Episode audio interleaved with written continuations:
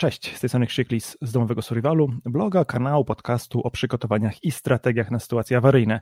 Widzimy się dziś 22 września w formie live'a, w formie transmisji na żywo, z kilku względów. Po pierwsze dlatego, że za wschodnią granicą y, dużo się dzieje. Po drugie dlatego, że nie nagrałem dla Was filmu w weekend i żeby móc się z Wami spotkać i móc z Wami porozmawiać, to musimy zrobić to dokładnie w takiej formie.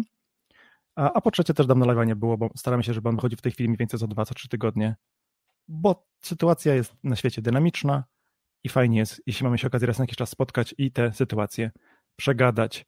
Astro Greenhorn napisał, że to koniec Putlera. Nie, ja myślę, że to jeszcze niestety nie jest koniec Putlera. Krzysiek, ale w wojsku nie ma specjalizacji youtubera, nie fascynat kuchenek, to co ty poczniesz w razie mobilizacji? To jest dobre pytanie, bo ja nie mam jeszcze przydziału mobilizacyjnego, ja nie byłem przeszkolony, ja mam tylko kategorię A, bo za moich czasów, za moich czasów jak ktoś szedł na studia, tego do wojska nie brali, a potem niestety y, no, nie byłem przeszkolony, bo studiowałem, znaczy niestety, niestety też, no to patrzeć, nie? Więc y, nie wiem, co będę robił w wojsku, jeśli mnie zmobilizują.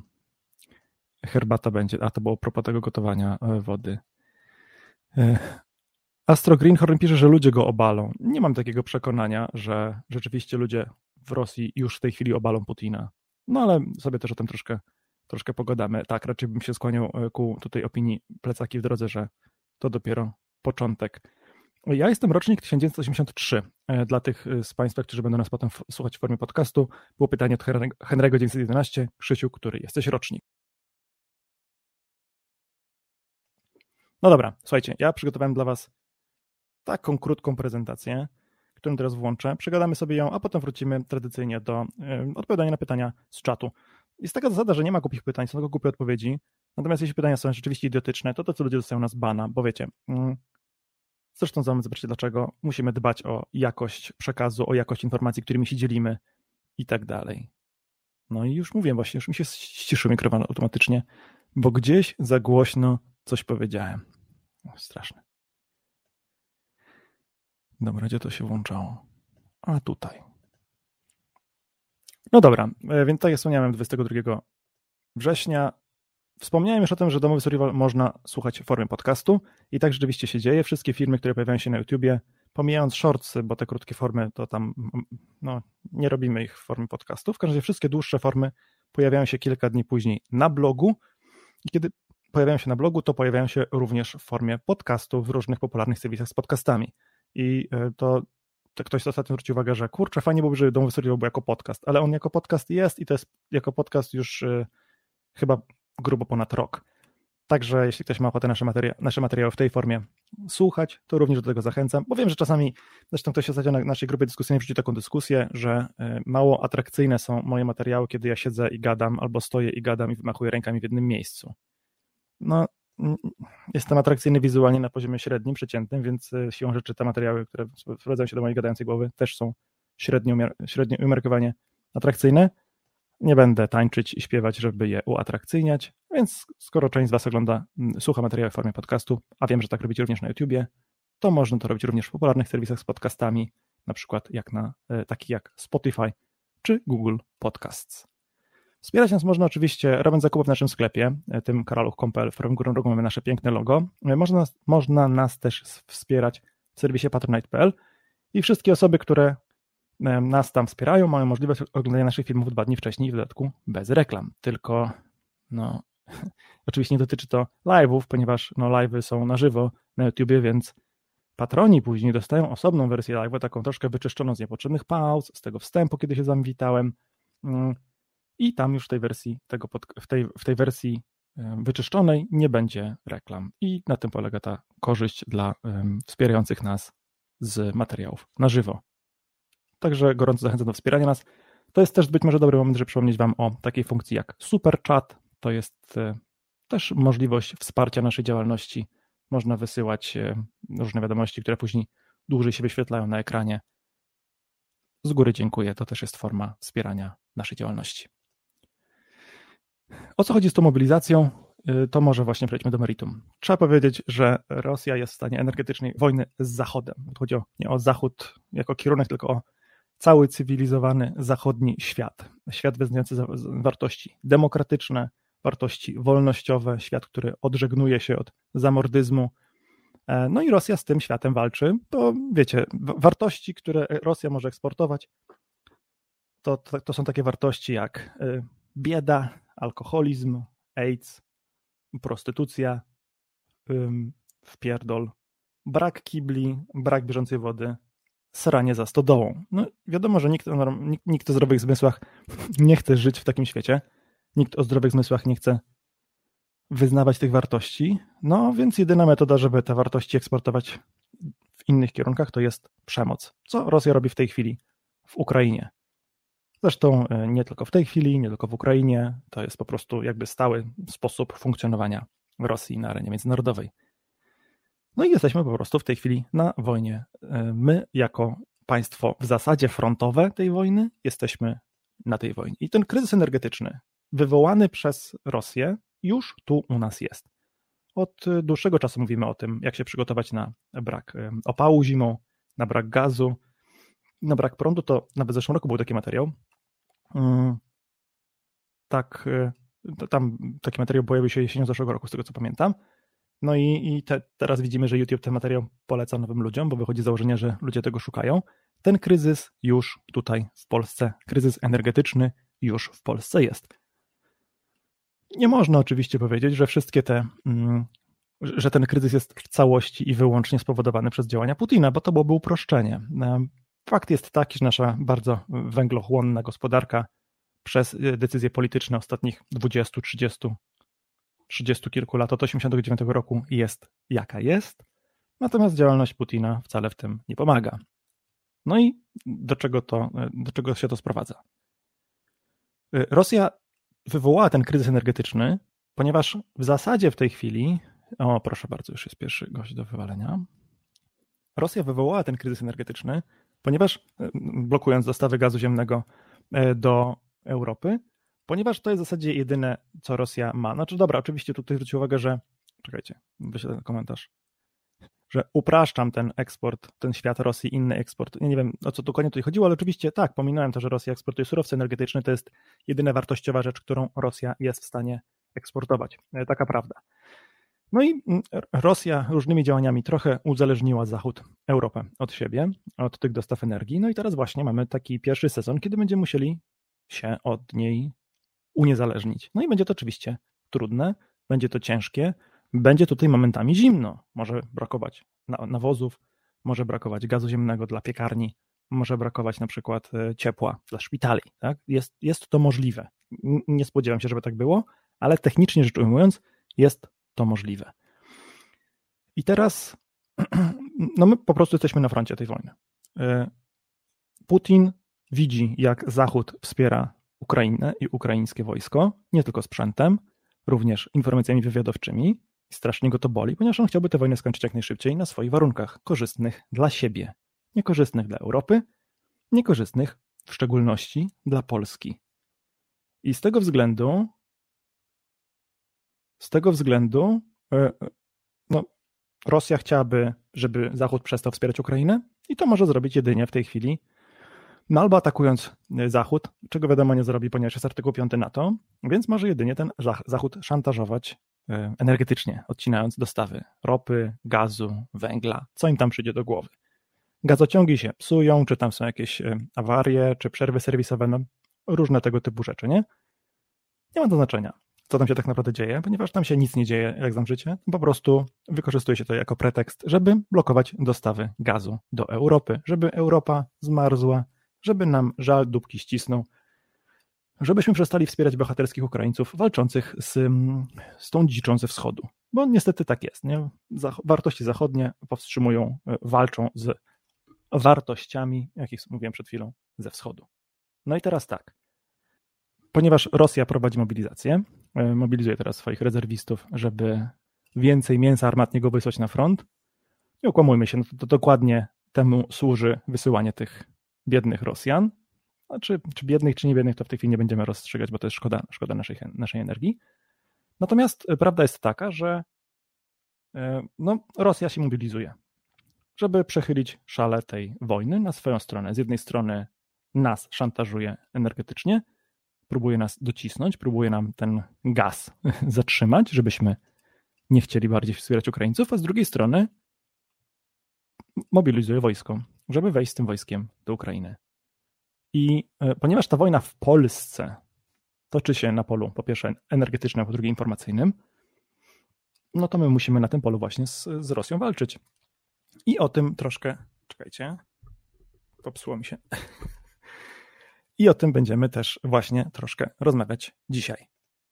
Najlepszą metodą na to, żeby Polska i żeby Europa się uniezależniła od Rosji, jest po prostu oszczędzanie gazu ziemnego, oszczędzanie węgla, oszczędzanie produkowanego z węgla i gazu, produkowanej z węgla i gazu energii elektrycznej, bo to system naczyń połączonych, nie? Ludzie mają możliwość ogrzewania sobie domów gazem, mają możliwość ogrzewania sobie domów węglem, prądem, wiadomo, nie wszyscy. No i jak nie będzie gazu, to się przestawimy wszyscy na ogrzewanie farelkami na przykład, tak? Wspominaliśmy zresztą o tym, że to jest świetne awaryjne źródło prądu. Na sytuację, kiedy w małej skali nie ma gazu, a jest prąd. No bo jeśli w całej Polsce nie będzie gazu i wszyscy przestawią się na farelki, to również nie będzie prądu, ponieważ tego prądu w Polsce zabraknie. No ale to są naczynia połączone. Przenosząc y, się z węgla na gaz, albo z gazu na prąd, albo z prądu na węgiel, możemy jakby tak sterować y, naszą zależnością, czy, czy wpływać na, na naszą zależność od Rosji. I uważam, że w imię tej solidarności z innymi, innymi rodakami, z innymi Europejczykami wyznającymi te same wartości, które my, które my wyznajemy, wartości wolnościowe, no musimy w, w, w celu tej Solidarności po prostu wszyscy zacząć oszczędzać. No i ja tam wrzuciłem e, taki materiał ostatnio i tam pojawiły się takie komentarze w stylu, że e, nie, no nie będziemy oszczędzać, bo bogaci nie oszczędzają, nie? Albo mm, politycy nie oszczędzają, bo w fotelu sejmowym jest ciepło, nie? No, to mnie się to nie podoba. Ja uważam, że e, nie powinniśmy patrzeć na to, co robi rząd, czy raczej czego rząd nie robi. Od początku istnienia tego bloga tłumaczyliśmy, że patrzenie i poleganie na tym, co rząd zrobi dla naszego bezpieczeństwa jest błędem trzeba robić wszystko, co jest możliwe we własnym zakresie, żeby dbać o własne bezpieczeństwo, a nie czekać na to, co zrobi albo czego nie zrobi rząd. A więc nawet ci, których stać jest na płacenie kilka razy więcej za gaz, kilka razy więcej za węgiel, kilka razy więcej za prąd, wszyscy ludzie powinni oszczędzać. Bo mm, jeśli chodzi o, najprościej jest to, jakby moją motywację wytłumaczyć, jeśli chodzi o gaz. Mamy stopnie zasilania energią elektryczną i gazem, nie? W pierwszej kolejności od gazu będą odłączane zakłady przemysłowe, żeby ludzie w domach mieli ciepło, żeby szpitale miały ciepło, żeby w szkołach też było ciepło, nie? Czyli w pierwszej kolejności gaz będzie odcinany, będzie zatrzymywany dopływ gazu do zakładów przemysłowych, czyli żebyśmy domy ogrzali, to raczej nam gazu nie zabraknie i raczej się tego obawiać nie trzeba ale wiosną, jeśli zima będzie e, mocna, jeśli nie będziemy tego gazu oszczędzać, wiosną wyczerpią się nasze rezerwy, czyli zapasy w, w podziemnych magazynach gazu.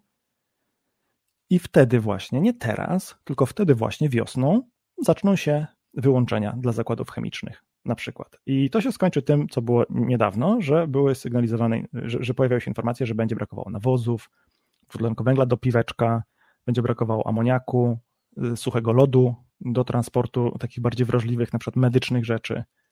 No i teraz tak. Ja ogrzewając dom, pomieszkam w bloku, ogrzewając się ciepłem z gazu, mogę wpłynąć na to, że potencjalnie wiosną ryzyko, że zabraknie nawozów albo ryzyko, że zabraknie CO2 do piweczka jest mniejsze. I uważam, że to powinniśmy robić. Do czego Was gorąco zachęcam i o tym będziemy mówić, jak to konkretnie robić, za chwilę. Stanisław Makowski napisał y, pod jednym z ostatnich filmów takie pytanie, od kiedy to Rosja jest winna temu, co się dzieje? Polecam trochę poczytać na ten temat. Oczywiście wyśmiałem ten komentarz, bo czytać to można na przykład w takich mądrościach jak protokoły mędrców Syjonu, to ja zachęcam was do przeczytania, co to w ogóle jest. Tak y, do, do tego porównałbym niektóre wysrywy rosyjskiej propagandy.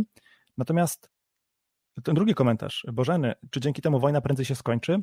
Odwróciłbym, bo wojna skończy się szybciej, jeśli Europa skapituluje, jeśli Europa przestanie wspierać bohaterskich Ukraińców, jeśli, Rosja, jeśli Europa zaakceptuje to, że Rosja niszczy Ukrainę, morduje tych Bogu ducha winnych ludzi, wiążąc im ręce i rozstrzeliwując ich na ulicach, albo wrzucając ich do płytkich grobów, bo w sumie po co kopać głębsze, nie? Wiadomo, rosyjskie wartości, jakie są, to każdy widzi, oglądając zdjęcia z Buczy czy z innych miejscowości. Więc Musimy zadbać o to, żeby ta wojna skończyła się jak najszybciej, żeby jej nie przedłużać, żeby jej nie przedłużać i nie zwiększać szans na to, co ważne, bo można ją zakończyć teraz, kapitulując. Jeśli byłbym prezydentem, mógłbym zakończyć prezydentem Ukrainy, mógłbym teraz zakończyć wojnę kapitulując, natomiast wojnę trzeba skończyć, na warunkach korzystnych dla Ukrainy i korzystnych dla Zachodu.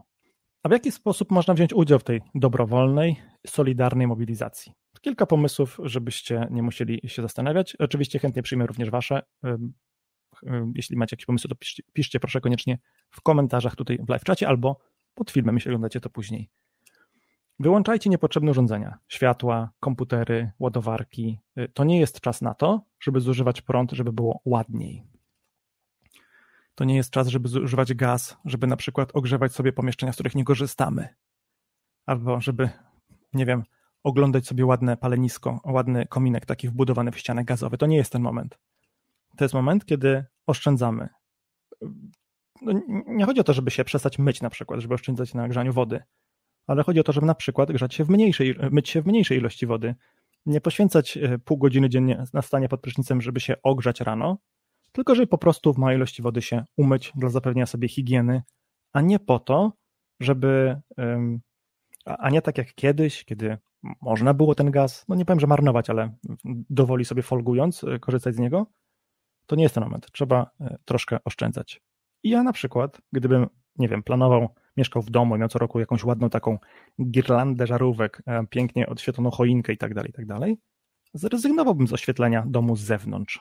No czasami teraz, jak sobie jeżdżę przez mniejsze miejscowości, są nowe domy, czasami mają takie reflektorki podświetlające ściany, że po prostu widać ścianę. Dzięki temu dom ładniej wygląda, nie? Rozumiem, że ktoś może chcieć oświetlić część podwórka, bo dzięki temu jest bezpieczniej, że ma taką lampę włączoną na czujnik ruchu, no to ta lampa oczywiście daje mu wartość jakąś y, realną. I z tego nie ma co rezygnować. Ale z tego oświetlenia tylko po to, żeby było ładnie, uważam, powinniśmy rezygnować. To nie jest moment na iluminację, na oświetlanie witryn sklepowych dużą ilością światła przez całą dobę, na oświetlanie budynków, z których się nie korzysta, na przykład szkół wieczorami. To nie jest ten moment. Jeśli widzicie takie marnotrawstwo gdzieś indziej, u sąsiadów, w szkole, w jakiejś publicznej instytucji, to, to jest moment, kiedy uważam, należy zareagować. Bo ci ludzie mogą sobie z tego nie zdawać sprawy, mo mogą, mm, nie wiem, mieć to narzucone z góry. Na przykład mogę sobie wyobrazić, że centrum handlowe musi z jakichś względów, bo ma taką umowę na przykład z najemcami, musi oświetlać wszystkie, nie wiem, miejsca, całą, nie wiem, ścianę musi być oświetlona, bo tam są logo tych firm, nie? Być może będzie łatwiej im rozmawiać z najemcami w momencie, w którym dostaną sygnały od y, społeczeństwa, od obywateli, że słuchajcie, no tak być nie może, trzeba te lampki powyłączać. Można to pisać mailowo do zarządcy takiego centrum handlowego, można to pisać w Facebooku, w komentarzach, na Facebooku w komentarzach, czy na Instagramie, w takich miejscach, gdzie zobaczy to więcej ludzi, bo to będzie firm, potem forma nacisku na tych, którzy jakby wymagają tego oświetlenia. To nie jest moment na marnowanie prądu na tego typu rzeczy. Jeśli możecie zrezygnować z użycia części energii bez strat dla Was, to warto to zrobić. Tak jak wspomniałem, to nie chodzi o to, żeby rezygnować z mycia się, tylko żeby myć się na przykład szybciej pod prysznicem. Jeśli ktoś spędza czas pod prysznicem jak bohater filmu American Beauty, to może to nie jest najlepszy moment, żeby to robić. A jak yy, nie wiecie o co chodzi, to musicie sobie się sami dowiedzieć. Ja na przykład, tak, tak się troszkę śmiałem dziś rano, to tak pół żartem, pół serio, ale ja zawsze goliłem głowę E, pod prysznicem w dużej ilości ciepłej wody, ponieważ tak jakoś wyszło, że najmniej się zacinałem, jak najpierw była głowa namoczona, namydlona, namoczona i potem sobie ją goliłem na spokojnie, nie, nie spiesząc się, przecież cieplutko. Wiadomo, że woda się marnuje, gaz się marnuje, ale co, stać mnie, to będę marnował. To nie jest moment na filozofię, stać mnie, to będę marnował. To jest moment e, na filozofię, będę oszczędzał, żeby inni mieli ten gaz, kiedy będą go potrzebować. Inni biedniejsi ode mnie, żeby ten gaz, żeby ten prąd nie musiały tak mocno podrożeć. Po to właśnie będę ja oszczędzał. I od dziś, w zasadzie od wczoraj, a wczoraj pierwszy raz korzystałem z tej metody, znaczy no nie pierwszy, ale ostatni, może inaczej, pierwszy forever, dopóki się wojna nie skończy, goliłem głowę, płucząc tę maszynkę y, pod kranem z zimną wodą, a nie spłukując pod prysznicem. Po prostu y, przy użyciu dużo mniejszej ilości wody, w dodatku wody zimnej, byłem w stanie osiągnąć praktycznie ten sam efekt. Tam troszkę się bardziej pozacinałem, ale to nie jest aż tak istotne. I będę to robić dokładnie w tej formie w przyszłości również, nie? Stratą dla mnie byłoby, gdybym zrezygnował z golenia głowy w ogóle. I tego robić nie chcę. Ale ponieważ mogę golić głowę inaczej niż e, wcześniej, oszczędzając dzięki temu na gazie, to będę to robił. Inny przykład. Tutaj jest pilot do mojego klimatyzatora, który sobie tam wisi na ścianie. Ja tego klimatyzatora wykorzystywałem bardzo dużo y, latem, znaczy no, może mniej niż w zeszłym sezonie, ale też sporo. kiedy było tu po prostu za gorąco. I teraz będę się tym klimatyzatorem, zresztą tak samo jak zeszłej zimy, ogrzewał. I w sypialni to prawdopodobnie też tak zrobimy. W wszystkich pozostałych pomieszczeniach w domu, tam gdzie możemy, również będziemy po prostu korzystać z klimatyzatora, żeby mniej gazu zużywać na grzewanie mojego mieszkania, a zużywać więcej prądu, ponieważ wydaje mi się, przynajmniej na ten moment, tak jak to liczyłem, analizowałem, z prądem będzie troszkę lepiej. Gdyby się okazało w przyszłości, że to się zmieni, no to wtedy będę mógł taką pewną elastyczność zachować i zacząć wyłączać grzanie, grzejnik, grzanie klimatyzatorami, znowu grzać grzejnikiem. Grzejnik zasilany jest przez kocioł gazowy, który mamy w bloku. Tym sposobem znowu będę używał tym sposobem znowu będę używał ogrzewania gazowego i gazu zamiast prądu. I uważam, że dobrze byłoby taką elastyczność mieć, no nie? Żeby właśnie, jeśli na przykład macie w domu kuchenkę gazową i, i elektryczny czajnik, jeśli okaże się, że tego gazu brakuje, to na przykład wodę do gotowania ziemniaków, które będziecie gotować w garnku na gazie, zagotujcie najpierw elektrycznie w czajniku i przelejcie tę wodę później do, do garka z kartoflami. Może w podobny sposób, y, zamiast podgrzewać jakieś danie e, na patelni, podgrzejcie je w mikrofali. Tak? Dzięki temu przyniesiemy mm, użycie gazu, energii pod postacią gazu, no użycie energii pod postacią prądu. Ja na przykład, wam w ten moment pokażę, wziąłem sobie taki, e, ten po lewej stronie, turystyczny czajnik, który tam kupiliśmy bardzo dawno temu i używamy go w zasadzie głównie na wyjazdach, bo on jest taki śmiesznie składany, ale jest mniejszy, ma troszkę mniejszą moc, to nie jest istotne, ale przede wszystkim mniejsze minimum wody, które można zagotować Dzięki czemu nie muszę gotować dwóch szklanek wody, jeśli potrzebuję jednej, bo mam ochotę na jedną herbatę, a nie na dwie. Gdzieś kiedyś czytałem, ja nie, nie pamiętam teraz kiedy i, i gdzie, ale że, że we Francji w dużych, firma, w dużych firmach, tam powyżej iluś, iluś tam pracowników, opłaca się zatrudnić jedną osobną osobę, która chodzi i pilnuje ludzi, żeby gotowali w czajniku zawsze tyle wody, ile potrzebują, a nie więcej. Bo mamy coś takiego, że bierzemy czajnik, wsadzamy pod kran, nalewamy ile nam się tam wydaje włączamy, nie? To powoduje marnowanie energii. To można bardzo łatwo rozwiązać po prostu, jak ktoś kupuje nowy czajnik, kupić taki, który ma mniejsze minimum i zawsze pilnować, żeby wlewać tylko tyle wody, ile realnie potrzebujemy, a nie tyle wody, ile nam się wydaje. Ten po prawej stronie ma minimum rzędu pół litra, więc nie jest pod tym kątem najlepszy. No ale za to bardzo ładny, nie? Nie można wszystkiego w życiu. E, no i tutaj takie pytanie, taki komentarz e, osoby, chciałem powiedzieć osobnika o pseudonimie Lubię Torty. Czy ktoś może mi odpowiedzieć, czy stosowanie airfryera, czyli prawdopodobnie takiego mm, opiekacza do frytek, między innymi za pomocą gorącego powietrza, a nie oleju, czy stosowanie tego urządzenia zamiast piekarnika daje jakieś wymierne oszczędności w prądzie? Ja ten komentarz przytoczyłem nie po to, żeby odpowiedzieć na to pytanie, bo nie wiem, ale po to, żeby zachęcić Was do szukania takich, takich informacji, odpowiedzi na takie pytania na własną rękę, bo to da się sprawdzić na przykład Patrząc na zużycie prądu, można sobie zrobić taki eksperyment. Można, nie wiem, posługując się przykładem frytek, przyjąć, że robimy frytki do całej rodziny, całą mrożonkę frytkową, całą mrożonkę, całą, całe opakowanie mrożonych frytek. Najpierw przyrządzamy w piekarniku elektrycznym, sprawdzając, ile w tym celu zużyjemy prądu. Nie? Następnie, innym razem, korzystamy z tego urządzenia. No, to trzeba, trzeba by je było kupić, ale można go nie kupować, można po prostu zobaczyć, Prawdopodobnie w dokumentacji powinna się pojawić informacja, jaką ma moc i jak długo się te frytki przygotowuje. To sobie z tego można spróbować wyliczyć, jakie byłoby zużycie prądu. Moc razy czas to jest energia w kilowatogodzinach. Można sobie to porównać z zużyciem energii przez, przez ten piekarnik. I to jedno z drugim porównać i ocenić, czy to jest dobry pomysł, czy nie jest. E, ten cytat, jeśli chodzi, to pytanie, jeśli chodzi o mikrofalówkę, e, to ja akurat się z Tomaszem nie zgadzam, bo mikrofalówka oczywiście prąd bierze, ale grzanie czegoś bezpośrednio energią w środku jest niemal zawsze lepsze niż grzanie czegoś e, najpierw palnikiem, który musi ogrzać powietrze, które to powietrze czy, czy spaliny opływając patelnię muszą ogrzać dno patelni, potem to dno patelni musi ogrzać olej, potem ten olej musi ogrzać kotlet, który jest na tej patelni i grzeje się cała patelnia, a kotlet zajmuje może jedną trzecią jej powierzchni. Nie? Jak mamy trzy kotlety, to też nie zajmują całej powierzchni, bo są między nimi przerwy. Ciepło jest wypromieniowane na zewnątrz, ciepłe powietrze e, opływa te patelnie i ucieka sobie gdzieś na przykład do e, wentylacji, więc siłą rzeczy tracimy energię i wydaje mi się, że mikrofalówka będzie bardziej oszczędna. Zresztą tak jak napisał, albo napisała Ksaki, mikrofalówka jest bardzo oszczędna, ona nic nie grzeje oprócz posiłku. I jeszcze jeden komentarz, to już tak troszkę z innej beczki.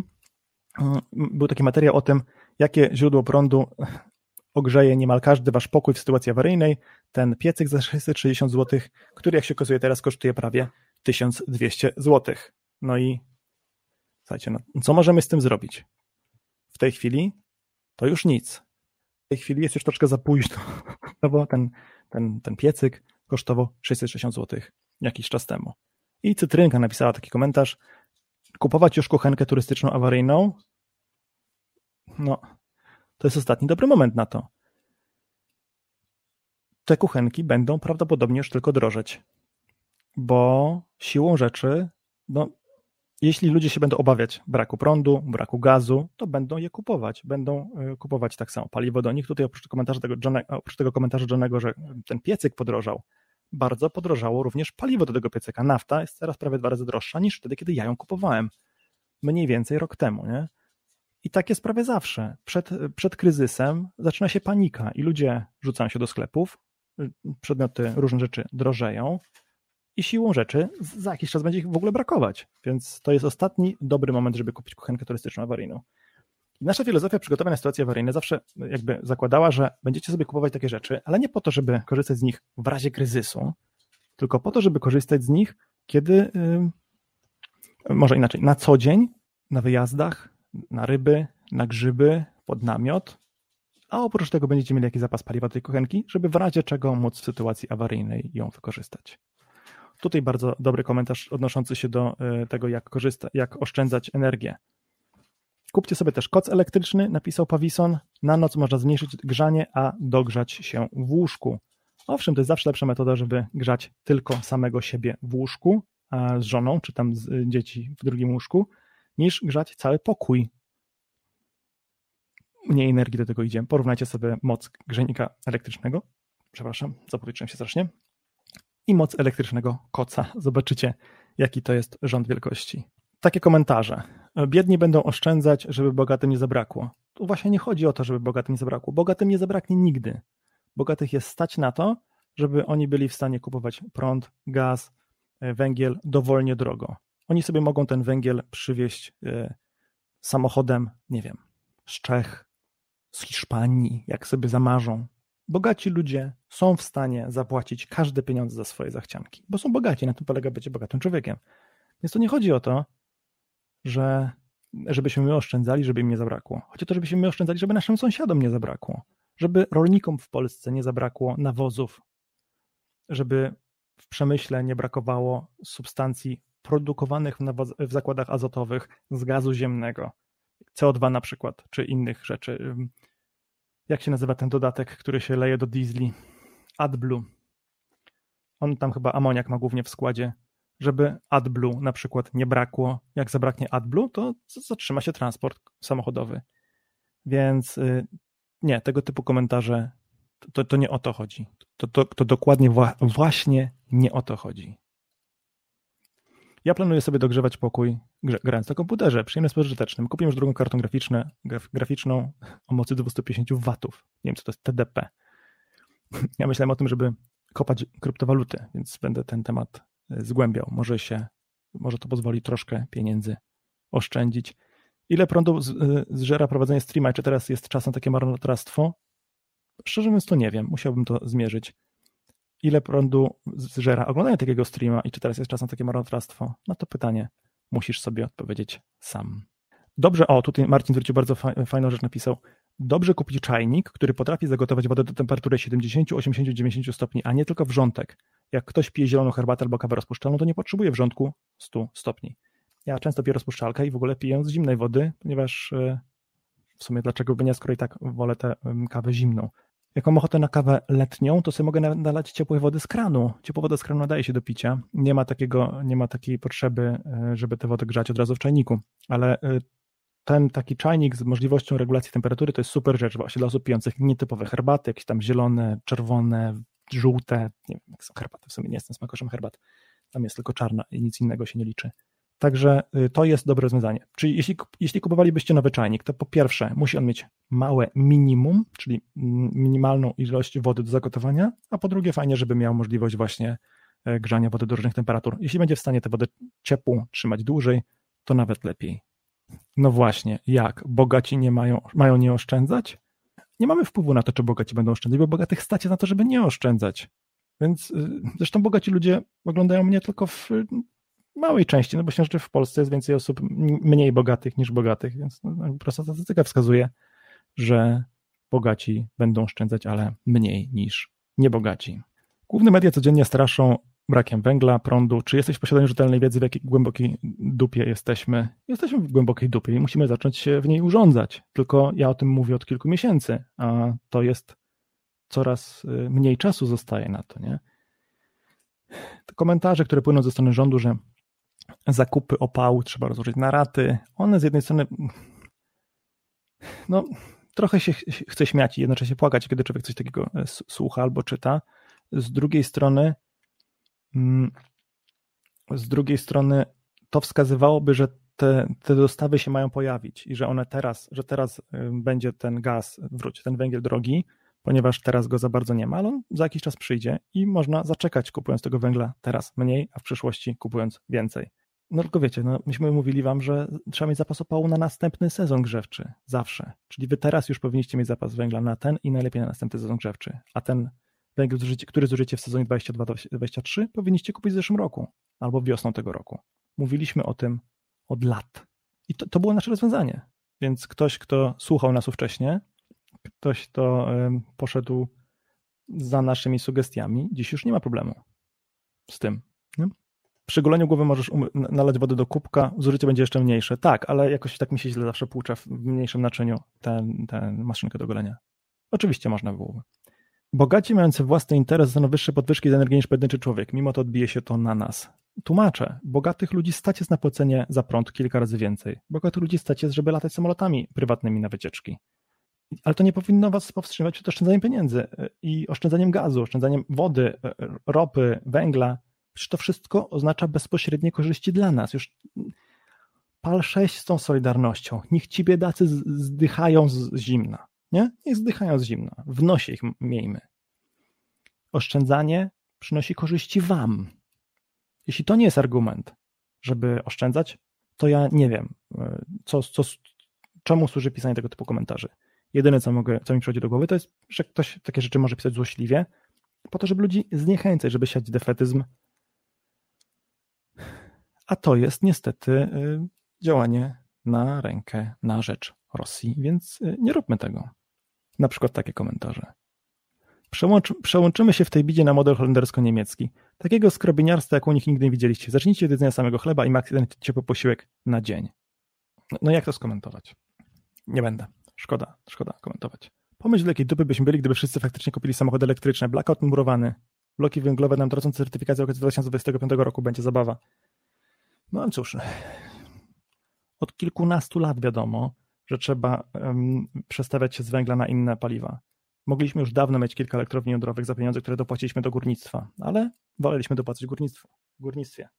Moją najlepszą decyzją, pisze Jacek G., było w końcu założenie gazu do samochodu. Dwa lata temu sprawdzałem koszt i od tego czasu wzrósł tylko 150 zł. Od maja do dziś zaoszczędziłem 1350 jeżdżąc na gazie. W rok się zwróci. Brawo ja.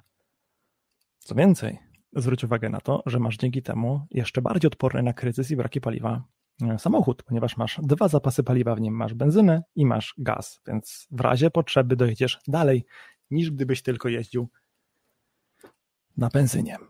Mm, czy żarówki gniazdka sterowane przez aplikację warto inwestować? Mm, czy warto?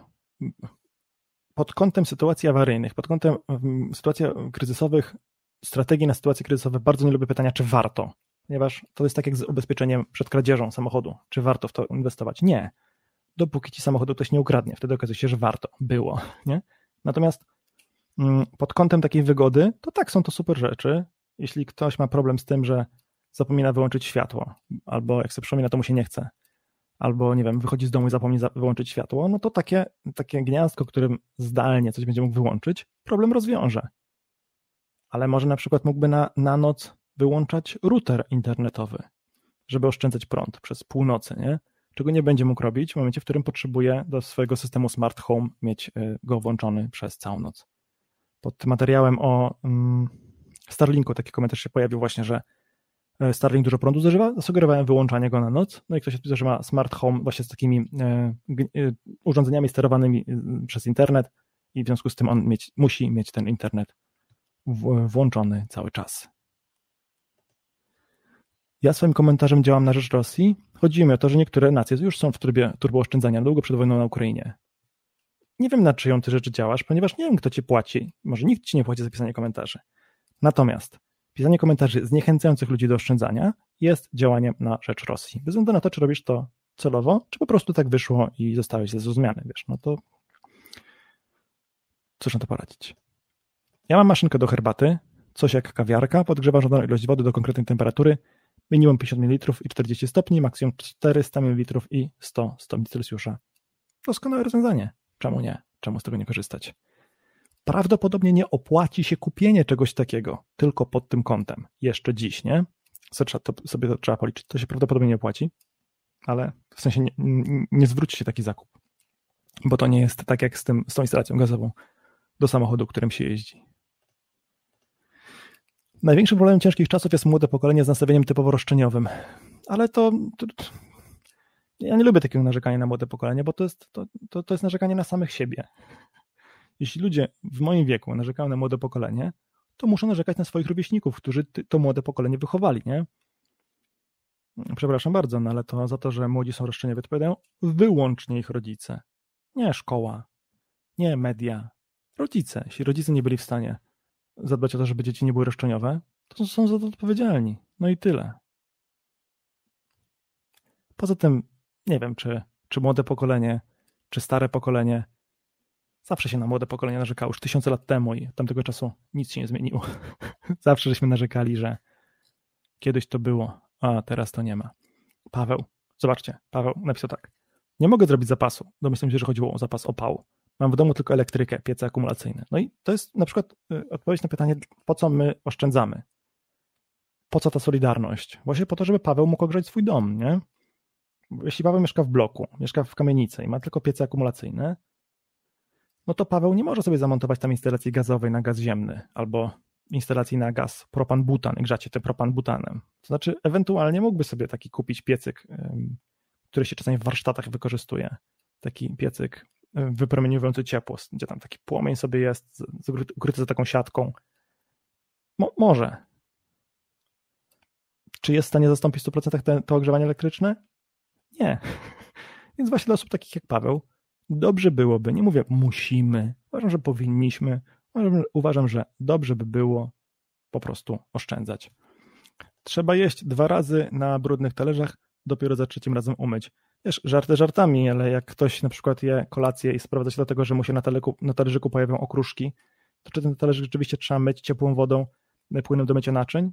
Czy może wystarczy go opłukać? Czy może wystarczy strząsnąć te okruszki do śmietnika i po prostu zjeść na nim drugi, drugi, drugi posiłek? No nie wiem, no każdy na to pytanie musi sobie odpowiedzieć sam. Jak ktoś ma, nie wiem, osobę w rodzinie z, jakąś, z jakimś upośledzeniem odporności, no to ten talerz umyje w ciepłej wodzie, po to, żeby wszystkie bakterie czy, czy zarazki, które, inne zarazki, które tam na tym talerzyku osiadły i zaczynały się rozwijać na tych okruchach, żeby je wybić. No to to mogę zrozumieć, ale w każdym innym przypadku, słuchajcie, no zrobicie jak będziecie chcieli. Kiedyś widziałem taką analizę, czy bardziej się opłaca wycierać rozlaną wodę czy rozlane mleko w kuchni ręcznikiem papierowym, czy szmatką. Oczywiście myślimy, że szmatką, nie? no bo przecież szmatka jest wielorazowego użytku, a ten ręcznik się zaraz wyrzuci i to drzewa się wycina, ale z drugiej strony jak się ten, tę szmatkę po użyciu jednorazowym będzie prało w ciepłej wodzie, to okazuje się, że wcale nie jest tak kolorowo, że zużycie energii na wypranie tej szmatki i zużycie energii na wyprodukowanie tej szmatki przez te ileś tam lat, jak się będzie używało, jest większe niż w przeliczeniu na jedną akcję sprzątania tego rozlanego mleka niż przy użyciu papierowego ręcznika. Także to może być bardzo różnie. E, bardzo, bardzo różnie. Dobra, przewijam do kolejnych, do kolejnych komentarzy. O, tu a propos, skoro o tym napisał Adam. Jeżeli chodzi o talerze, warto mieć trochę jednorazowych. Jak braknie wody, to jak najbardziej się przydadzą. Oczywiście, że tak. Moja rekomendacja jest taka, żeby korzystać z talerzy papierowych, a nie z plastikowych. Po pierwsze, papier jest bardziej przyjazny do środowiska, a po drugie papier można spalić. Znaczy plastik też można, ale nie powinno się palić plastikiem, ponieważ plastik jest no nie, nie, niedobry, niedobrze się pali. Nie, znaczy, się pali świetnie, ale wiecie, zanieczyszcza się, zanieczyszcza się atmosferę. Pawisan, polecam też zajrzeć do dziadków osób starszych w rodzinie i sprawdzić ich ustawienia grzania gazem. U mnie już pozmieniałem czas grzania temperaturę max. albo na przykład jak ktoś ma, mieszka w bloku, gdzie ma podzielniki kosztów ciepła, albo płaci rachunek od powierzchni, to może mieć takie podejście, że ja nie będę oszczędzał, bo ja i tak płacę zawsze tyle samo, y, albo nie mam na to wpływu. To jest prawda. To bardzo demotywuje do oszczędzania, w ogóle nie powinno tak być. Zawsze powinno się płacić najbardziej, y, jak to jest tylko możliwe, za swoje własne mm, zużycie, a nie za zużycie sąsiadów. Wtedy mamy motywację, mamy zachętę, żeby oszczędzać wodę, gaz, prąd, yy, ogrzewanie, ciepło. Jak nie mamy, to się kończy tym, że ludzie mają grzejniki odkręcone na maksa, a jak, jest im za ciepło, to się rozbierają, siedzą w t-shircie, albo po prostu otwierają okno, żeby było chłodniej.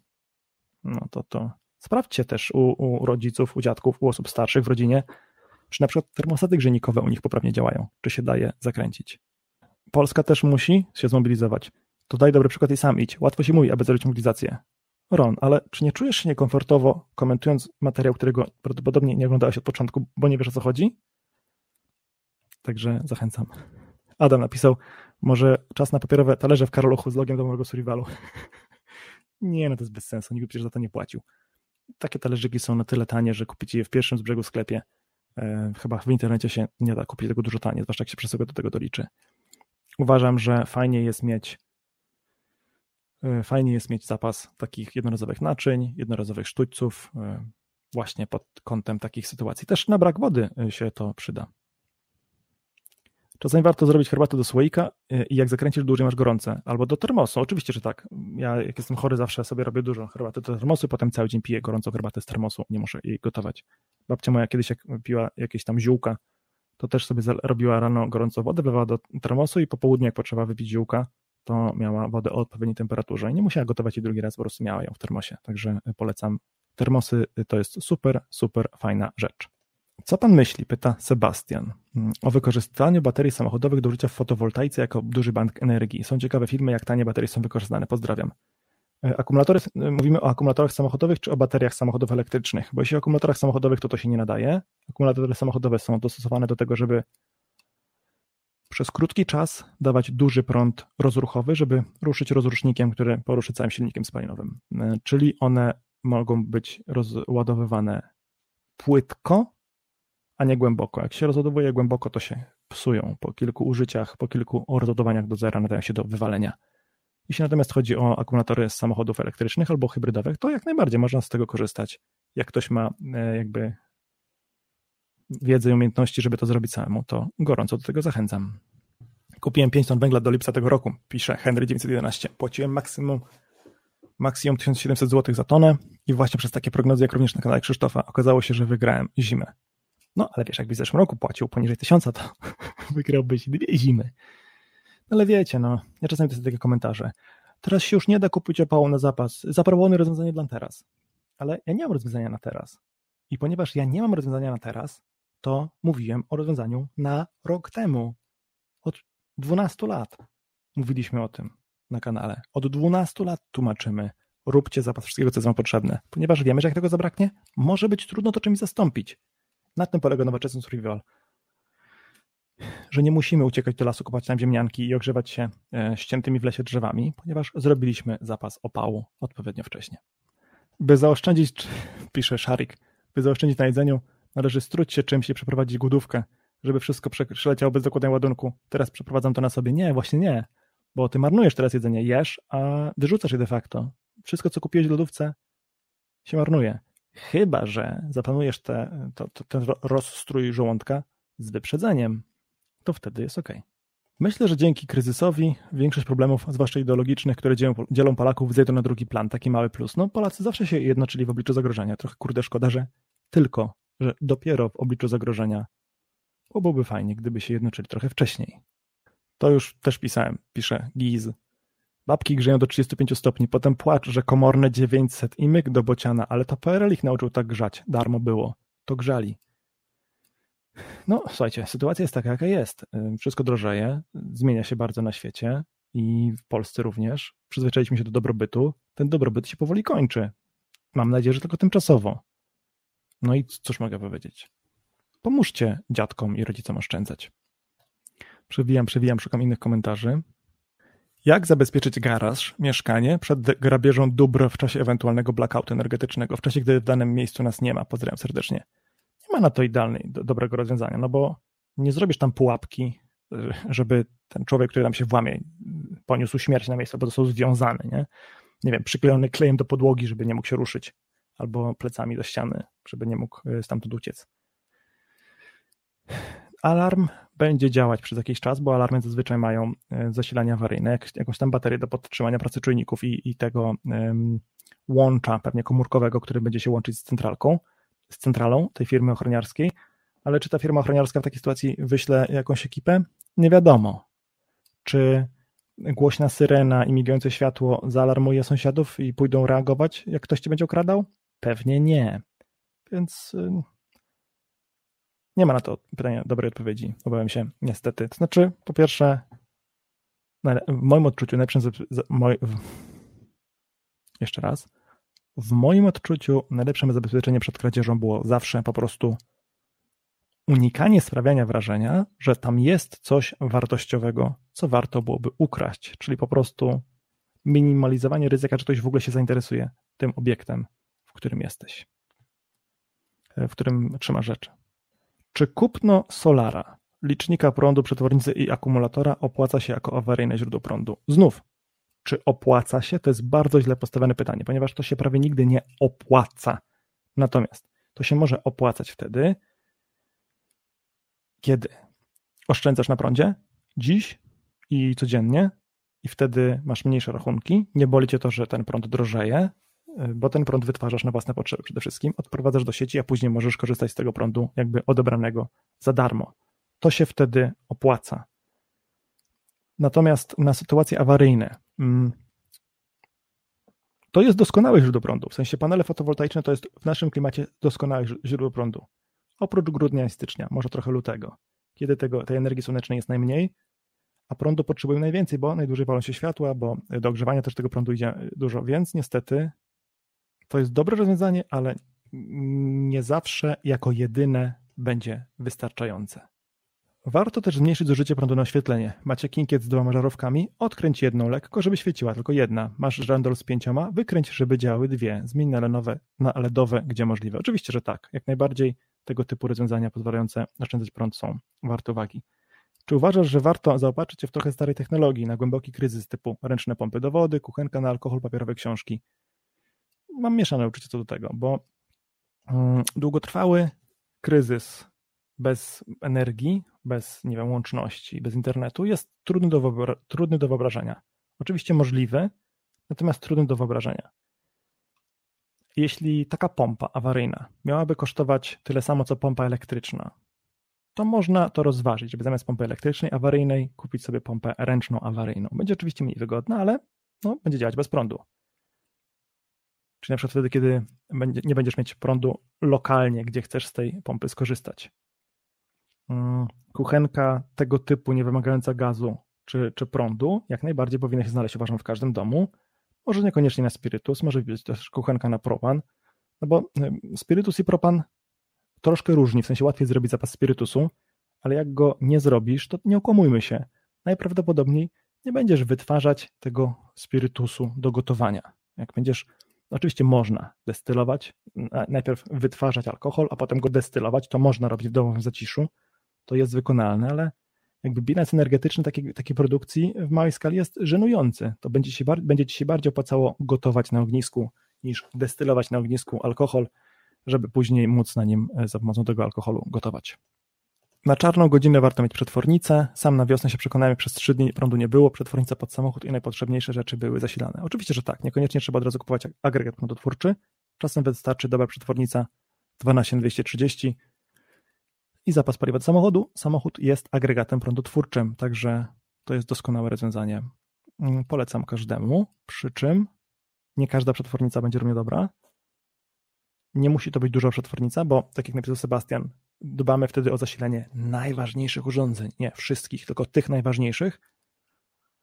A może zimą lodówka nie musi być w ogóle zasilana, bo może rzeczy z lodówki po prostu będziemy trzymać na balkonie, także wtedy mnóstwo prądu oszczędzicie.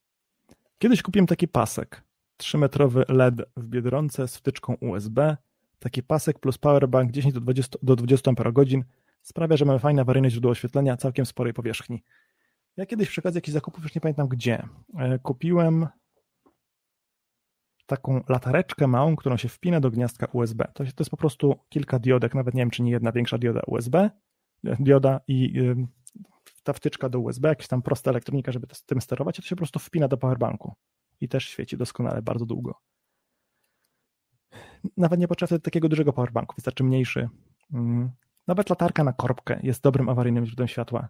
Prawdopodobnie nie będziesz musiał, nie wiem, zszywać komuś ran albo oddzielać, nie wiem, maku od pszenicy, jak kopciuszek, albo lutować jakichś drobnych elementów elektronicznych przy świetle. A jeśli będziesz musiał, to po prostu latarką poświecisz albo poprosisz kogoś bliskiego, żeby ci świecił, albo sobie założysz czołówkę do oświetlenia pokoju w sposób wystarczający, żeby się nie potknąć na klocku e, albo nie trzymać, e, nie, nie uderzyć się małym palcem jakiś mebel, to wystarczy skierować światło jednej żarówki na sufit i tyle. Krzysiek, ale akumulatora nie, żelowego nie uszkodzisz przy głębokim rozładowaniu, ale nie było pytania o akumulatory żelowe, tylko było pytanie o akumulatory samochodowe. W samochodach są akumulatory rozruchowe nieżelowe. Owszem, akumulatora żelowego, akumulatora AGM, akumulatora trakcyjnego przy głębokim rozładowaniu nie uszkodzisz tak łatwo, no bo to są akumulatory do tego typu pracy przygotowane. Tu było takie pytanie, czy trzymanie butli gazowych w bloku jest dozwolone? Nie, jeśli masz w bloku instalację na gaz ziemny, wtedy nie możesz trzymać takiej kuchenki gazowej. Kuchenki gazowej i butli gazowej w bloku trzymać nie możesz. Czy warto z po taniości kupić butli turystycznych do gazu i mieć nabitych? I tu podobny komentarz Marka. Napełnienie kartusza 200-gramowego, który w sklepie kosztuje 30 zł, mi wychodzi napełnienie propanem 1 zł. E, czy warto? To znaczy, jeśli korzystasz z takich butli i gazu, to jest to dobre rozwiązanie. Mieć ich więcej w zapasie. Jeśli korzystasz z nich na wyjazdach, jeśli masz te takie duże 11-kilowe butle gazowe i w domu po prostu masz kuchenkę na taką butlę, to jak najbardziej warto jest mieć takich butli więcej i zrobić ich zapas. Tylko kupowanie tych butli teraz, kiedy one są strasznie drogie, bo są, no tam nie pamiętam, chyba ze dwie stówy kosztuje jedna butla, a, potrafiły kosztować niedawno jeszcze poniżej stówy, no to to jest troszkę, to, to jest troszkę błąd. Mm. Te używane butle, które możesz kupić na Alixie po taniości, one mogą mm, nie nadawać już do legalnego napełnienia. Znaczy, Butla ma legalizację, po upływie tej legalizacji oficjalnie nikt ci nie powinien tej butli napełnić na stacji na przykład, tak? Co oznacza, że musisz te butle napełniać samemu, co oznacza, że musisz te butle, e, brać na siebie całe ryzyko, że ta butla w razie czego tobie wybuchnie w twarz, e, zabijając ciebie i twoją, twoich bliskich, albo wycieknie gdzieś tam się w jakimś zagłębieniu, nie wiem, w piwnicy, ten gaz zbierze i potem wysadzisz sobie piwnicę, zapalając w nie światło nie zachęcam do tego. To jest uważam zły pomysł, wysadzać sobie dom y, dla takiej oszczędności. Ja kiedyś myślałem, że butle gazowe to jest najlepszy możliwy zapas paliwa, do momentu, kiedy nie zobaczyłem butli sprawnej, napełnionej w okresie legalizacji, być może już nie y, po okresie tej legalizacji, napełnionej, gdzie po prostu szlak trafił zaworek na butli.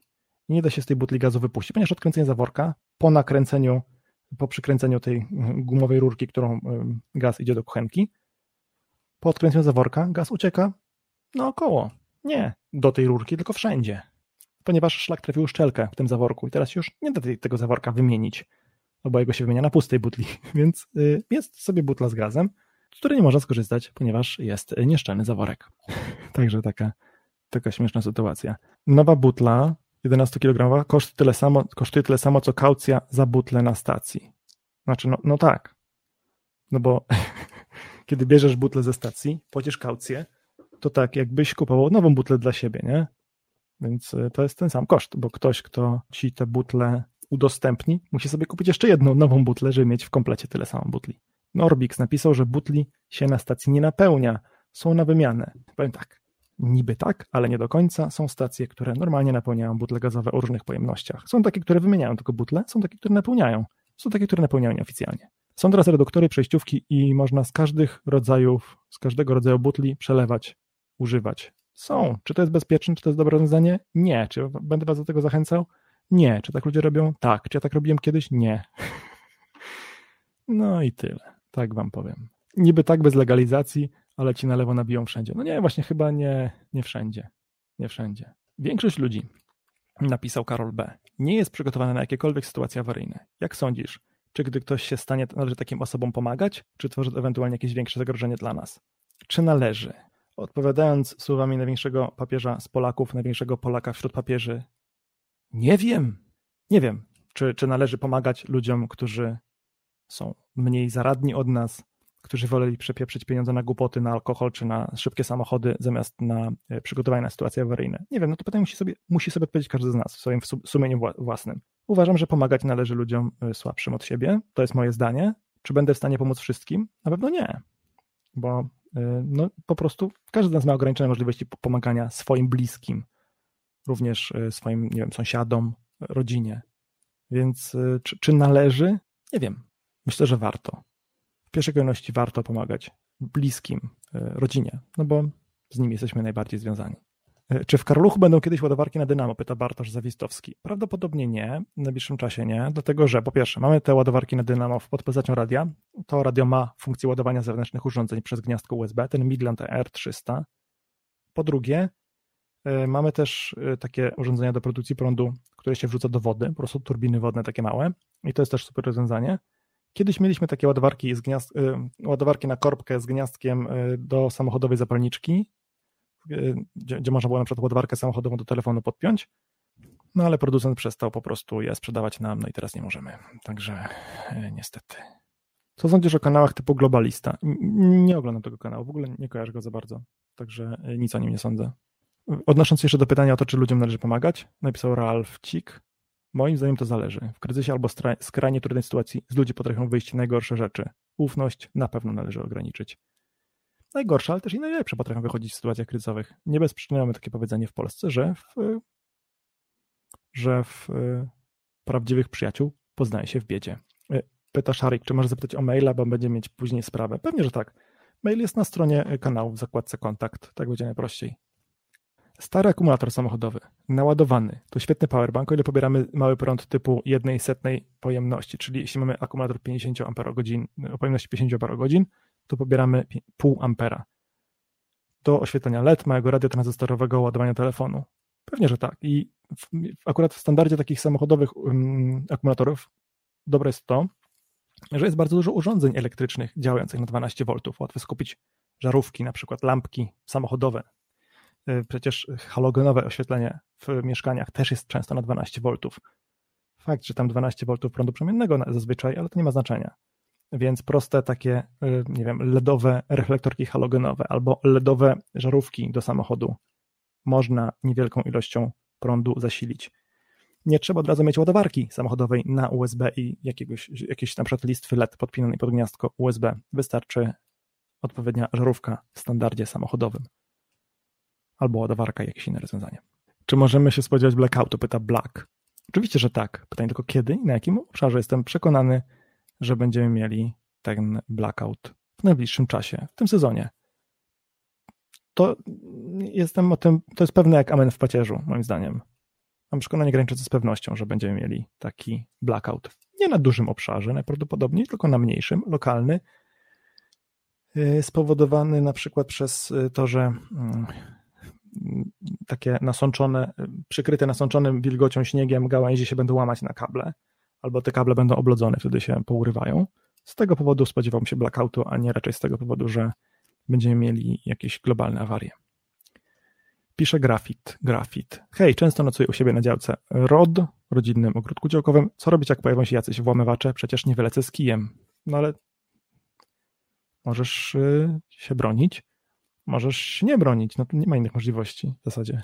Albo masz skuteczną metodę obrony się przed łamywaczami, albo musisz y, im dać te rzeczy, które masz i obserwować, jak będą, nie wiem, niszczyć twój dobytek, gwałcić twoje dzieci, y, mordować żonę. To wiesz, no, jest nie do uniknięcia. To tyczy to nie tylko e, tego noclegu na rod, na działce, ale też każdej innej sytuacji awaryjnej. Albo mamy skuteczne narzędzia, albo nie mamy. Pisze Adam, fajne są chińskie przejściówki z USB, że podpina się co chce i można napięcie regulować od 0 do 24 V. To są przetwornice step up, step down regulowane. Taki, takimi się kiedyś przetwornicami bawiłem przy różnych okazjach. Rzeczywiście można tego typu urządzenia kupić. Podłącza się do dowolnego prądu, źródła prądu, przykład baterii, albo sześciu baterii, albo właśnie gniazdka USB, albo gniazdka samochodowej zapalniczki i się w tym celu i, i regulując napięcie można zasilać jakieś różne zewnętrzne, e, zewnętrzne użyt, e, urządzenia. DCA 1340 napisał albo napisała, że jak się mieszka na wsi, to blackout jest kilka razy w ciągu roku. Tak, to właśnie bierze się z tego, że takie lokal, lokalne awarie Pojawiają się całkiem często.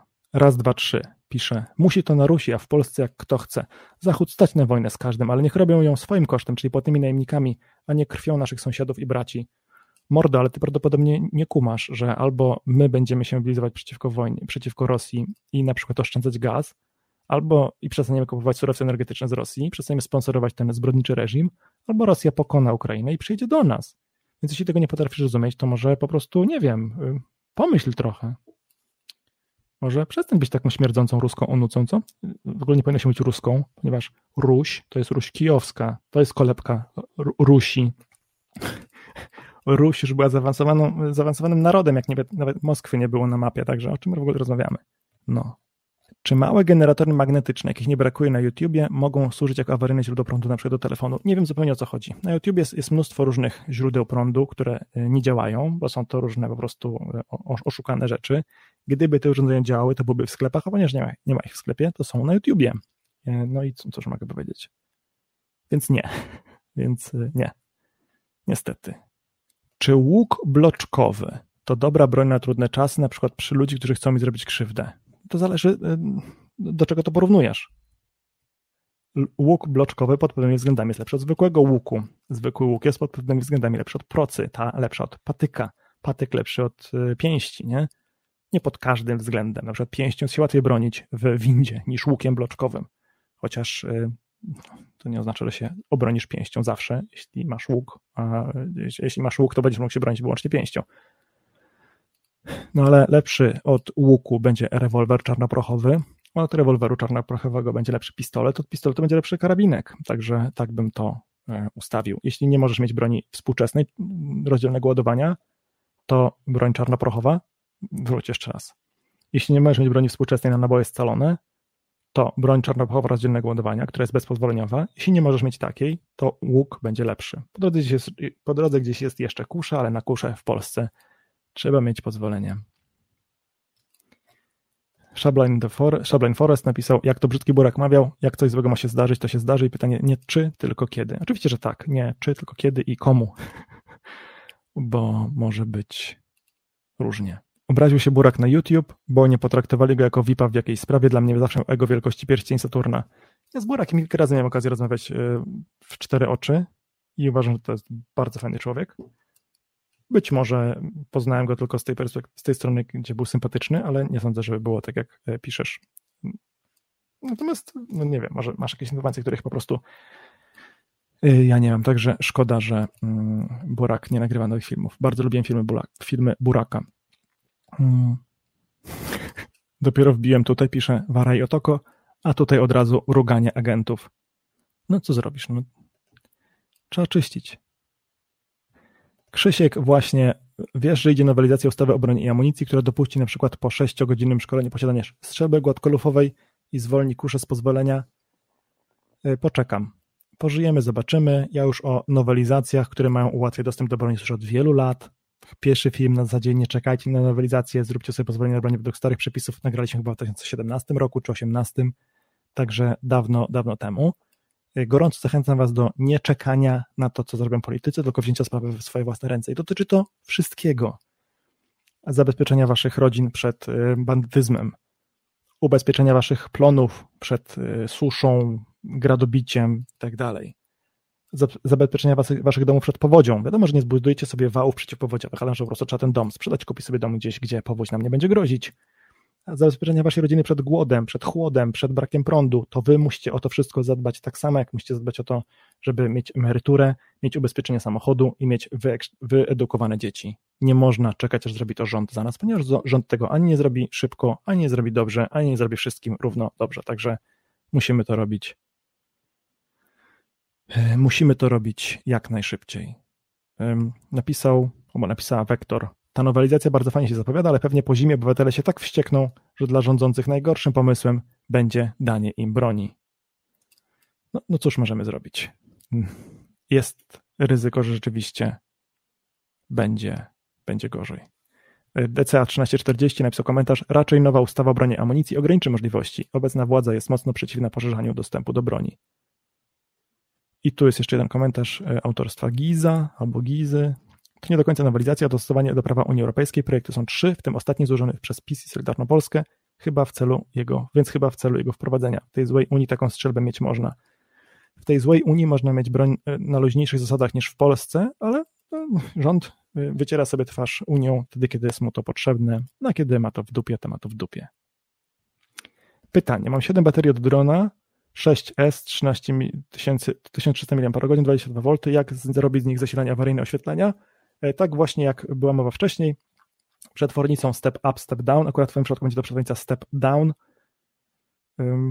Myślę, że oświetlenie LEDowe w standardzie USB, do tego dorobić jakąś właśnie e, przetwornicę, czyli przetwornica do baterii, e, do przetwornicy gniazdko USB i podłączasz sobie to. Mm, po drodze polecałbym jednak jakiś e, układ do zabezpieczenia przed, przed rozładowaniem poniżej minimum tej baterii, bo szkoda, żeby bateria szlak trafił. Ja na przykład mam ja na przykład mam drona DJI i w tym zestawie, który kupiłem, były takie przejściówki, do, którą się podłączało do baterii i on, ona wtedy robiła za powerbank. Także, także tak. Mateusz Woźniak, jak ty sobie radzisz, Krzysiek, Krzysiek, jak ty sobie radzisz psychicznie z obecną sytuacją? Znaczy, mnie się wydaje, że w sytuacjach takich kryzysów, nie wiem, czy to jest najkorzystniejsze, ale przynajmniej u mnie się to lepiej sprawdza. E, najlepszym wyjściem dla mnie jest po prostu koncentrowanie się na problemach do rozwiązania. Nie na, na takim załamywaniu rąk, że, że jest źle, że będzie gorzej, że zaraz będzie wojna po prostu trzeba tę sytuację zaakceptować, bo na, na to, jaka ta sytuacja jest, mamy wpływ ograniczony mm, i po prostu rozwiązywanie konkretnych problemów, które się z tym wiążą. Żeby w domu była żywność, opał, e, koce, apteczki i tak dalej. Nie? E, to jest moim zdaniem lepsze rozwiązanie niż załamywanie rąk i, i, i rozpamiętywanie, że kiedyś to było lepiej, że chciałbym, żeby było lepiej, bo to niczemu nie służy. Czy to się u każdego sprawdzi? Nie wiem, nie jestem fachowcem, jestem zwykłym prostym inżynierem pod tym kątem. Czy w razie konfliktu byś został w ojczyźnie, czy wyjechał? Większość chce wyjeżdżać. No to tak postawione pytanie trudno odpowiadać, dlatego że no, trudno o, o, uniwersalną odpowiedź. Nie wiadomo, jaki będzie konflikt, nie? Jeśli będą latać atomówki, to wiadomo, że będę chciał się wy, e, wynieść jak najdalej od Warszawy. Czy będę chciał się wynieść za granicę Polski? Nie wiem. Czy będę mógł? Czy będzie to legalne? Być może granice zostaną zamknięte. Więc ja nie, nie, nie zakładam wyłącznie jednego scenariusza, że muszę uciekać za granicę, albo że nie będę mógł uciekać za granicę, muszę zostać w, w, Polsce. Nie ma to sensu, ponieważ trudno jest to przewidzieć i uważam, że to byłoby niepotrzebne ograniczanie swoich perspektyw. Lepiej jest zostać, napisał y, Karol B., chyba że jesteś w stanie finansowo gdzieś zacząć od nowa. Zawsze jest lepiej zostać. Zawsze jest lepiej być y, na swojej ziemi. I to nawet nie, nie, nie, dotyczy, nie dotyczy tylko kraju, ale miejsca, w którym się urodziłeś, nie? No ale jeśli urodziłeś się w Buczy, to trzeba było z tej Buczy było uciekać po prostu. Więc pomysł, żeby wpuścić rosyjskie wojska na 100 kilometrów przez granicę Polski, średnio mi się podoba, e, bo to się skończy takimi właśnie buczami e, i Polakami leżącymi w rowach, pomordowanymi przez Niemców. Co ma być, to będzie, napisał Piotr K. Czarny. Trzeba robić swoje, niektórych rzeczy nie przeskoczymy. Polska filozofia przetrwania sprowadza się do stwierdzenia, jakoś to będzie. Zawsze jakoś to będzie. Jeszcze nigdy nie było tak, żeby nie było jakoś, nie? I możemy sobie pomagać na różne sposoby, urządzić się w tym jakoś. Możemy mieć pieniądze, złoto, y, ryż, broń. Każda rzecz, która nam ułatwi zorientowanie się w tej nowej rzeczywistości, będzie korzystna. I tyle. I to jest, jeśli tej zimy wystąpi kryzys, jeśli tej zimy wojna przeniesie się na naszą stronę granicy. A jedna z osób, która pisała komentarz u nas na blogu, napisała ostatnio, że ocenia szanse na, na eskalację takiego konfliktu zbrojnego na jedną czwartą. 25% szans to, że w ciągu najbliższego roku się konflikt przeniesie na zachód bardziej. Jeśli rzeczywiście tak będzie, to to jest ostatni moment na to, żeby ostatni dobry moment na to, żeby kupić kuchenkę turystyczną, żeby zadbać o zapas żywności do domu, zapas paliwa i tak dalej. Później będzie tylko drożej, tylko trudniej. I, i tyle, tego, tego też nie przeskoczymy. Trzeba robić swoje, jak najwięcej i nie dawać się zwariować, bo wiadomo, że wszystkiego nigdy nie jesteśmy w stanie ogarnąć. Można mieć najlepsze zapasy, najfajniejszy podziemny bunkier przeciwatomowy z zapasem żywności na kilka lat, agregatem, wodą, basenem i tak a potknąć się na schodach i złamać kark. Można nie mieć niczego, mieć po prostu szczęście. Trudno zgadywać. Problemem jest, kiedy się człowiek naczyta jakiejś opowieści ludzi, którzy właśnie nie mieli niczego i przeżyli, nie wiem, ucieczkę z Syberii, albo ucieczkę z obozu niemieckiego, albo jakieś inne tego typu historie. Opieranie się wyłącznie na historiach ludzi, którzy przeżyli, jest zawsze błędem. Kiedyś był ten temat osobny materiał. Więc yy, szczęście trzeba sobie po prostu dopomagać, nie? Strzeżonego Pan Bóg strzeże i przygotowanie na sytuacje awaryjne polega właśnie na tym, żeby mieć coś, co pozwoli nam wykorzystać szansę, przeczekać ten kryzys i urządzić się na nowo. Przeczekać kryzys, kiedy przez kilka dni nie będzie w domu prądu i nie wiem, jeśli mamy kogoś, kto wymaga koncentratora tlenu, żeby przeżył to, zasilić mu ten koncentrator tlenu inaczej niż z gniazdka w ścianie, żeby to przeżył. I tak dalej, i tak dalej, i tak dalej. Po prostu szczęściu trzeba naszymi przygotowaniami dopomagać. Jaką wiedzę najlepiej pozyskiwać według Ciebie odnośnie preparingu i survivalu? W myśl zasady wszystko sprowadza się do samowystarczalności. To znaczy, dla osób, które w ogóle się mm, tym tematem mm, interesują od niedawna i nie mają wiedzy, tym osobom polecamy taki adres nowoczesny survival.pl ukośnik kurs. Wysyłam Wam to teraz na czacie. To jest e, kurs, który przygotowaliśmy, który jest właśnie tak od podstaw, jego zadaniem jest od podstaw pokazanie mm, wszystkich istotnych aspektów, wszystkich istotnych strategii przetrwania sytuacji awaryjnych. Czyli pokazujący, na co trzeba położyć nacisk, o co trzeba zadbać, jak rozpoznawać te zagrożenia i jak starać się je rozwiązywać. I to się w bardzo dużej mierze rzeczywiście sprowadza do samowystarczalności, bo mm, no, no jak się lepiej zabezpieczyć przed brakiem prądu, niż po pierwsze, dbając o to, żeby ten brak prądu nie spowodował nam problemów, nie? E, na przykład, żebyśmy mogli utrzymać pracę naszego domu, ogrzewania naszego bez prądu. Po drugie, zadbanie jakiegoś awaryjnego źródła prądu, typu agregat. Po trzecie, zadbanie jakiegoś źródła prądu, które jest samowystarczalne, taki pisze Ralph Cik, czyli na przykład panele fotowoltaiczne na dachu. I z tych kilku kolejnych warstw układa się właśnie taka całościowa strategia przygotowania na sytuacje awaryjne. I o tych strategiach, o tych konkretnych warstwach mówiliśmy właśnie w tym kursie, do którego adres Wam e, podesłałem. To uważam, że to jest super wyjście. Kiedyś była nasza książka dostępna w sprzedaży, ponieważ skończyła, no to e, no, nic nie poradzę, na razie jej nie ma i nie będzie. Kiedyś się pojawi, jak ją uzupełnimy i roz, rozszerzymy. Samowystarczalność, i tak, taka samodzielność, bo nie zawsze chodzi o to, żeby mieć, żeby być w stanie samowystarczalnie zaspokoić potrzeby, nie wiem, żywnościowe rodziny. To jest bardzo trudne, wyżywić rodzinę z własnej działki. Z drugiej strony można zadbać o to, żeby mieć zapas żywności na kilka miesięcy, a dodatkowo pozyskiwać żywność z własnej działki, z jakichś roślin jadalnych, które znamy w okolicy. I to się wszystko właśnie wtedy w taką całościową strategię układa. A to dążenie do, to, to dążenie do samowystarczalności jest niemal zawsze korzystne. E, co z konserwami, które nam w lodówce zostaną, a braknie prądu? Będą zdane do dalszego przechowywania w temperaturze pokojowej? Przecież te konserwy zazwyczaj w sklepie leżą na półce, nie w lodówce, tylko na zwykłej półce, więc one najprawdopodobniej w ogóle nie potrzebują e, tych warunków chłodniczych. Jeśli potrzebują, no to będą zdatne jeszcze przez jakiś czas, jeden, dwa dni. Mleko nawet przecież nie od razu się psuje, jak się trzyma e, na wierzchu, nie? Także nie ma na to chyba uniwersalnej odpowiedzi. No dobra, kochani, słuchajcie, gadamy sobie od 80 minut, troszkę dłużej. Mm, będę się zatem z Wami powoli żegnał. Było mi bardzo e, miło Was dziś zobaczyć. Piszcie przekończnie komentarze pod filmem, w momencie, w którym. Znaczy, my staramy się odpowiadać na komentarze Wasze na bieżąco w miarę, a czasami niektóre ciekawsze komentarze są punktem wyjścia, żeby poruszyć je właśnie albo w takiej transmisji na żywo, albo jak są wyjątkowo ambitne, albo wyjątkowo trudne, to robimy z nich osobny materiał na kanał i do tego gorąco zachęcamy Was do podrzucenia tych tematów.